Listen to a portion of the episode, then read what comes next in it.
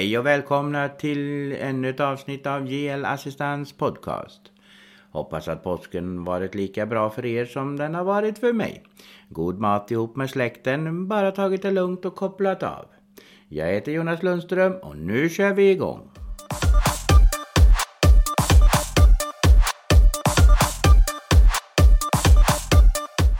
Påskdagen, då var det riktigt fint väder här i Falköping. Ungefär en 12 grader, lite sol så att det fick bli en promenad runt omkring här i Falköping. Vi var bland annat på Falbygdens museum och hälsade på Hallonflickan och fick se en massa fina och intressanta saker i deras utställningar. Jätteroligt att bo i ett geografiskt område med så otroligt mycket fornhistoria. Men eh, som detektorist så innebär det också tyvärr att en massa områden är fredade. Vilket gör att antalet sökbara områden minskar i takt med att eh, man gör flera fynd. Det blir lite moment 22. Man vill gärna hitta en massa fina fynd i marken när man är ute och svingar. Men i och med att eh, fynden rapporteras så fredas ytterligare områden från detektering. Men eh, det är väl så det ska vara. Eh, grabben är otroligt intresserad och det innebär även att mitt intresse för hobbyn får en liten ny kick. Trots lagar och avgifter som vi detektorister får dras med här i Sverige. Men nu kör vi på igen, jobb och planering av sommarens äventyr med metalldetektorn. Denna säsong kommer även min son Tim att vara med mycket mera och dessutom aktivt söka själv. Då denna hobby inte bara ökat i Sverige utan även för mig så kommer min fotohobby att få stryka på foten lite grann. Man måste ju prioritera.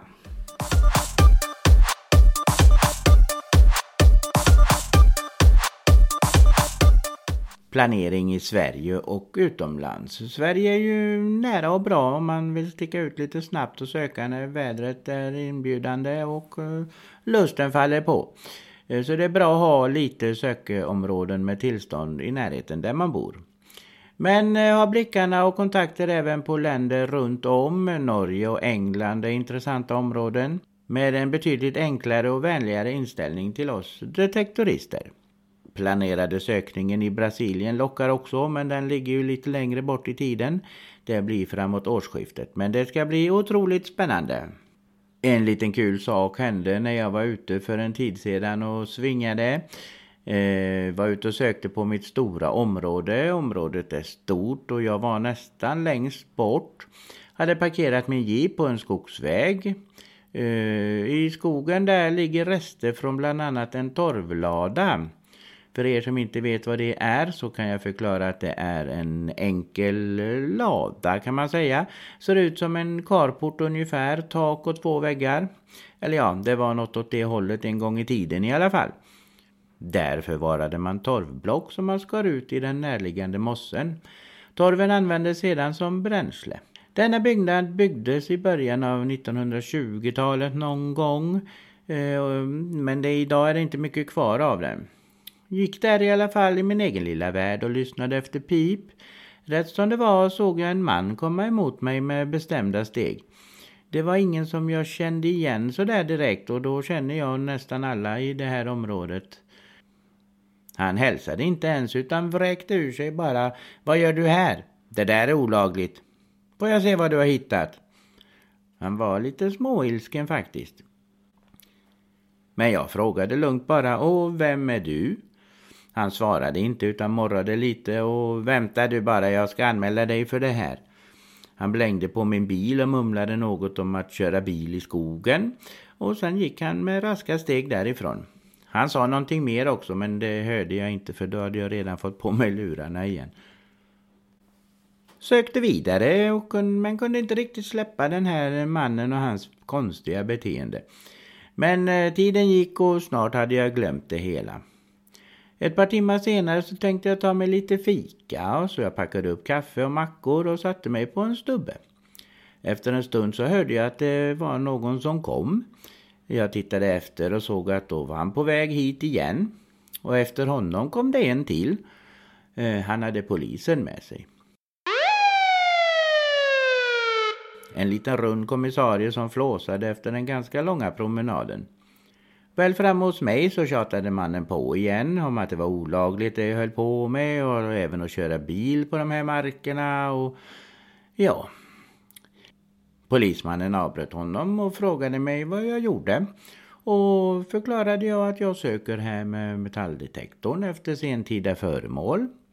Han började förklara att man måste ha tillstånd från Länsstyrelsen för detta och från markägaren och att det kanske inte var okej okay att köra bil i skogen.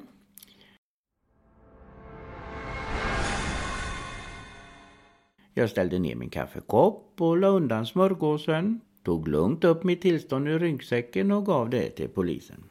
Han studerade pappret en stund och sa lite förvånat att ja, men allting är ju i sin ordning. Jag svarade ja, skulle det inte vara det.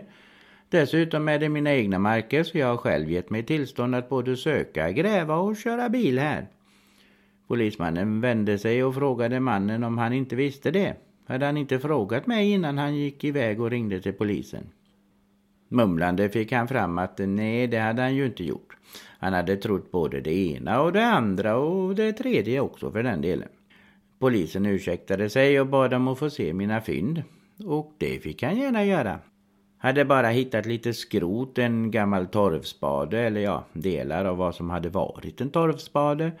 Lite plåtburkar, en bit ståltråd, en halv sax, några vinklade järn och lite småskrot. Hade den andra mannen uppfört sig normalt så hade han också fått se vad jag hade hittat för något och då hade han även fått klart för sig att allting var i sin ordning. Efter lite småprat så gick de båda tillbaka. Jag vet inte hur det gick för anmälaren eh, men jag fick en rolig historia och en kul dag i skogen. Så när ni är ute och söker, plötsligt händer det.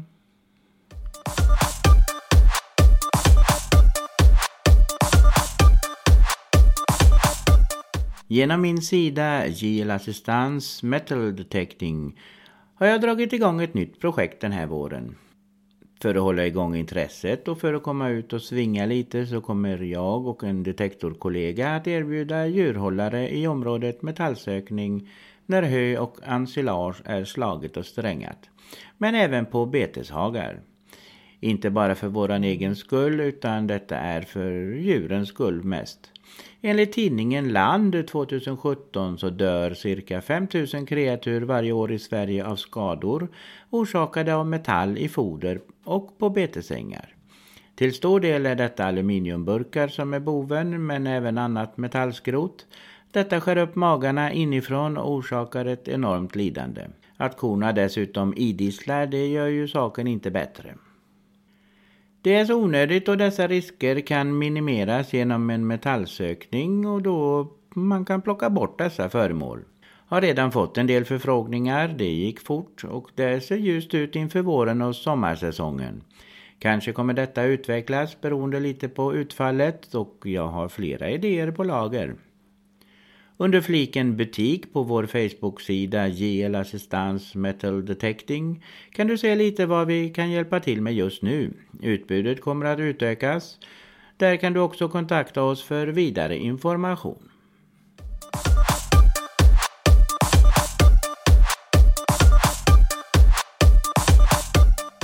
Ett Pompeji på norra Öland. Man tror sig vandra runt i en by som övergivits för inte så länge sedan. Här finns husgrunder och gärdsgårdar i sten som på sina håll når en meters höjd. Men det var mer än 1300 år sedan, sedan invånarna lämnade sina hus här i Rosendal på norra Öland. Sedan några år har järnåldersbyn varit föremål för arkeologiska undersökningar. Byn ligger inbäddad mitt i den öländska barrskogen under höga furor som bara släpper igenom ett sparsamt ljus. Där avtecknar sig 14 husgrunder. Ett oöverskådligt system av gärdsgårdar slingrar sig fram över markerna. I utkanten av området ligger begravningsplatsen med sina rösen. När arkeologerna besökte Rosendal för första gången insåg de snart att de hade snubblat över en guldgruva för forntidsforskningen. Att arkeologerna hittar husgrunder och gravar från järnåldern är ingen nyhet. Men att en hel by konserveras på detta sätt det är ytterst ovanligt. De vågar påstå att det inte finns några motsvarigheter till dessa fornlämningar i hela Europa. Ändå finns det en mängd järnåldersboplatser i Norden och på kontinenten. I Norge, Danmark, Nederländerna, Tyskland och Tjeckoslovakien. Efter fyra års utgrävningar börjar bilden av livet i den öländska järnåldersbyn att klarna.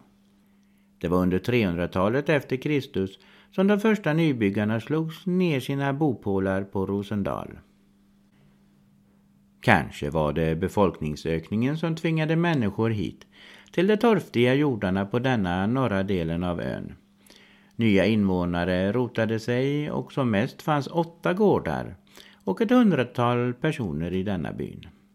Nyligen avslutades undersökningen av ett hus med en boyta på mer än 100 kvadratmeter. Ändå har familjen som levt där haft ett av de mindre husen i Rosendal. Det handlar med andra ord inte om några små hyddor utan om hallikna byggnader som en gång haft tak av vass eller torv uppburna av två inre stolprader. Medan takets utseende är nästan omöjligt att rekonstruera kan man genom mörkfärgningar i jorden avgöra var stolparna har stått. Allt som har varit av trä har naturligtvis försvunnit för länge sedan. Till skillnad från järnåldershusen på det svenska fastlandet har ölänningarna använt sten till väggkonstruktionen. På den södra delen av ön har kalkstenen varit ett behändigt byggmaterial. I Rosendal har man använt stora block som transporterats från en ändmorän i närheten. Tidigare har arkeologerna ansett att lera och dynga används för att täta stenmurarna. Men här har man funnit spår av innerväggar av trä, något som man aldrig tidigare sett i järnhållershus. Att stoppa fukt och drag under vinterhalvåret har nog varit en svår uppgift. Benmaterial från andra utgrävningar har visat att många människor vid den här tiden hade plågats av gikt. Tyvärr hade bostadshuset, som är byggt någon gång för 1600 år sedan, städats ut omsorgsfullt innan det övergavs.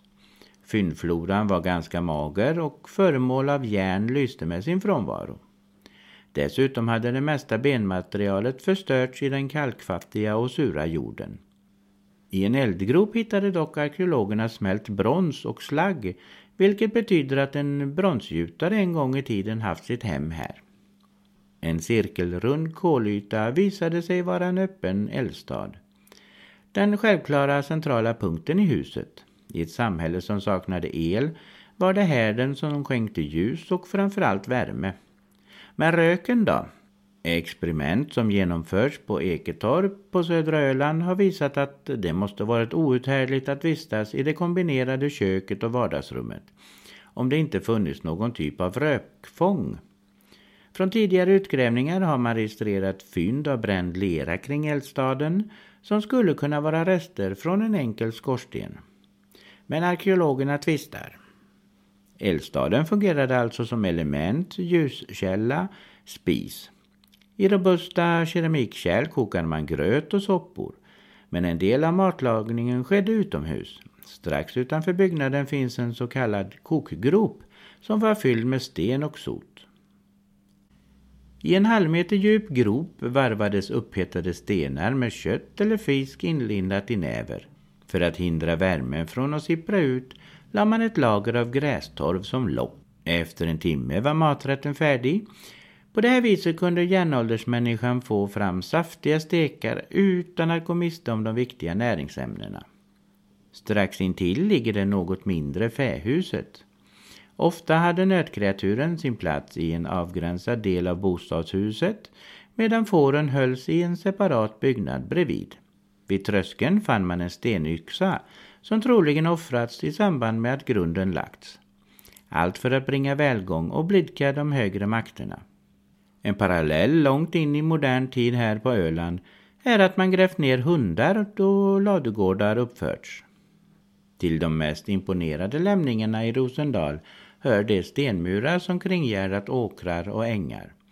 Dessutom finns långa så kallade fägator i vilket man har lett ut boskapen till betesmarkerna. Vitsen var att hålla får och kor borta från odlingar och foderängar. På sina håll når murarna på båda sidor om den 2-3 meter breda färgatan manshöjd. Och det är lätt att föreställa sig hur kreaturen trängs på väg ut till betet, påmanade av vallpojken.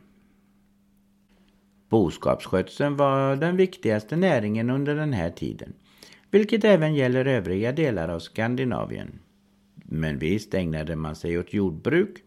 Vid de noggranna undersökningarna som gjorts i Rosendal har en mängd fossila åkrar hittats. Det är alltså jordplättar som brukats under järnåldern och sedan ödelagts och funnits kvar helt orörda fram till idag. Att det verkligen är åkrar det handlar om det kan man konstatera genom att marken är fri från sten. Men växtligheten ger också en indikation på hur eh, arean har använts. Eftersom järnåldersbonden hävde på kodynga på sina åkrar så höjdes näringshalten i jorden betydligt. Det märkliga är att gödseleffekten fortfarande finns kvar i marken även idag. Så mitt ute i den knastertorra barrskogen finns här och var oaser med prunkande växtlighet som markerar de forntida åkrarna. Till och med brännässlan, som är en mycket känslig kulturväxt, finns kvar i stora kolonier. Några stenkast utanför bebyggelsen i sydväst ligger gravplatsen som fortfarande är helt uh, oundersökt. Här finns sammanlagt ett dussin rösen av olika storlek. I det största röset som är 10 meter i diameter har med all sannolikhet en framträdande person, kanske en storman eller hövding, fått sin sista vila. Resta stenar och flatmarksgravar som är svåra att upptäcka under mossa och gräs visar att flera begravningsformer har existerat samtidigt. Någon gång kring 600 efter Kristus övergavs Rosendal eftersom arkeologerna inte har funnit något brandlager och med tanke på att befolkningen tycks ha fått med sig sitt pick och pack verkar det inte ha varit någon häftig katastrof som drabbade byn. Istället antyder en sandvall som ligger några hundra meter bort vad som tvingat människorna därifrån sandflykten. Än idag sopar man på den norra delen av ön förgäves sina källartrappor och förstukvistar. Under tid då stormarna bitit sig fast är det inte svårt att förstå den ödesdigra följden. Åkrar och ängsmarker förstörs, sanden hotar att begrava husen. Befolkningen återvände aldrig till Rosendal. Valde bördigare delar av Öland istället för de magra jordarna här i området. Men om byn hörde till de fattigare på ön under järnåldern så är den nu en viktig källa för arkeologerna. Sedan man började undersöka området har man eh, tillbringat åtskilliga timmar med att leta efter fornlämningar som inte prickats in på de arkeologiska kartorna. Och resultatet har blivit en mängd oupptäckta husgrunder, gärdsgårdar, gravrösen från järnåldern. Det finns fler välbevarade järnåldersbyar i närheten av Rosendal. Genom att bara gå några hundra meter söderut förbi en sankmark som tidigare varit en sjö kommer man till grannbebyggelsen. Ytterligare någon kilometer i samma riktning ligger Skäfteskär som också är föremål för utgrävningar. Med arkeologernas ögon kan man på denna del av Öland skapa sig en föreställning om hur nejden sett ut för 1500 år sedan. Arkeologerna skissar en bild av hur Rosendal kunde göras lättillgänglig även för mindre initierade besökare. Röjning av skogen, försiktig rekonstruktion av husgrunderna, får som betar och tar fram det gamla kulturlandskapet samt vägledande informationsskyltar. Så kunde det bli liv i järnåldersbyn igen efter den långa Törnrosasömnen. Men det är en bit kvar tills dess. Fortfarande har bara en liten del av fornlämningarna undersökts. Och det har mestadels skett i form av seminarieutgrävningar med studenter från Uppsala universitet. Att gräva intensivt med en stab av utbildade arkeologer står högst upp på önskelistan. Men det hela är naturligtvis en fråga om pengar och geografi. Öland ligger som bekant långt ifrån beslutsfattarna i Stockholm.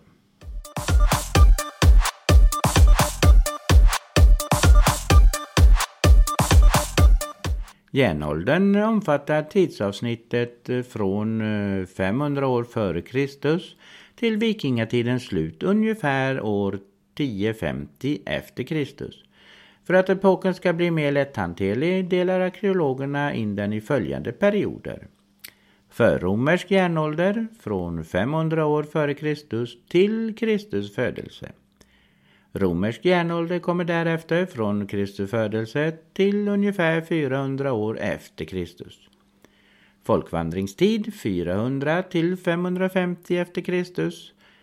Vändeltid 550 till 800 efter Kristus och vikingatiden 800 till 1050 efter Kristus ungefär.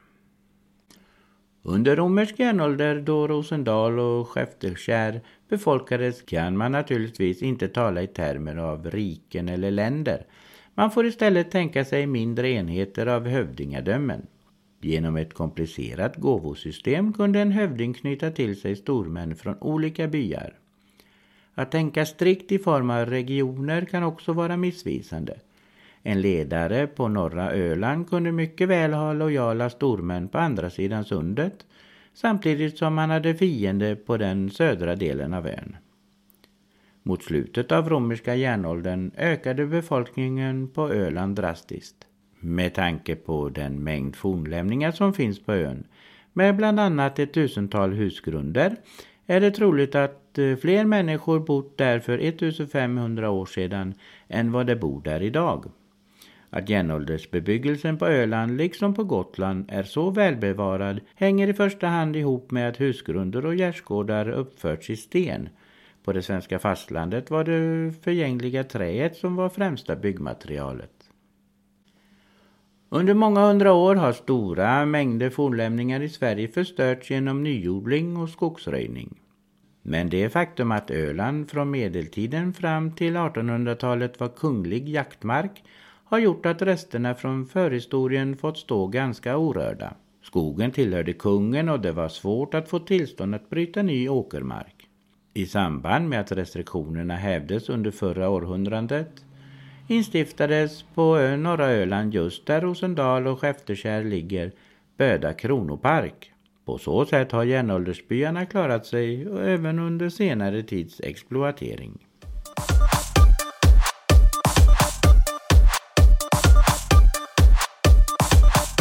Ja, det var allt jag hade den här gången. Gilla och dela gärna vår Facebook-sida JL Assistans Podcast. Och är ni intresserade av metallsökning så besök gärna JL Assistans Metal Detecting. Det går bra att kommentera och skicka meddelande via Facebook-sidorna eller via våran e-mail podd snabela Vill ni så hörs vi nästa vecka. Tjingeling! If you've enjoyed this episode, share it with your friends. Keep listening to our weekly episodes to find out more.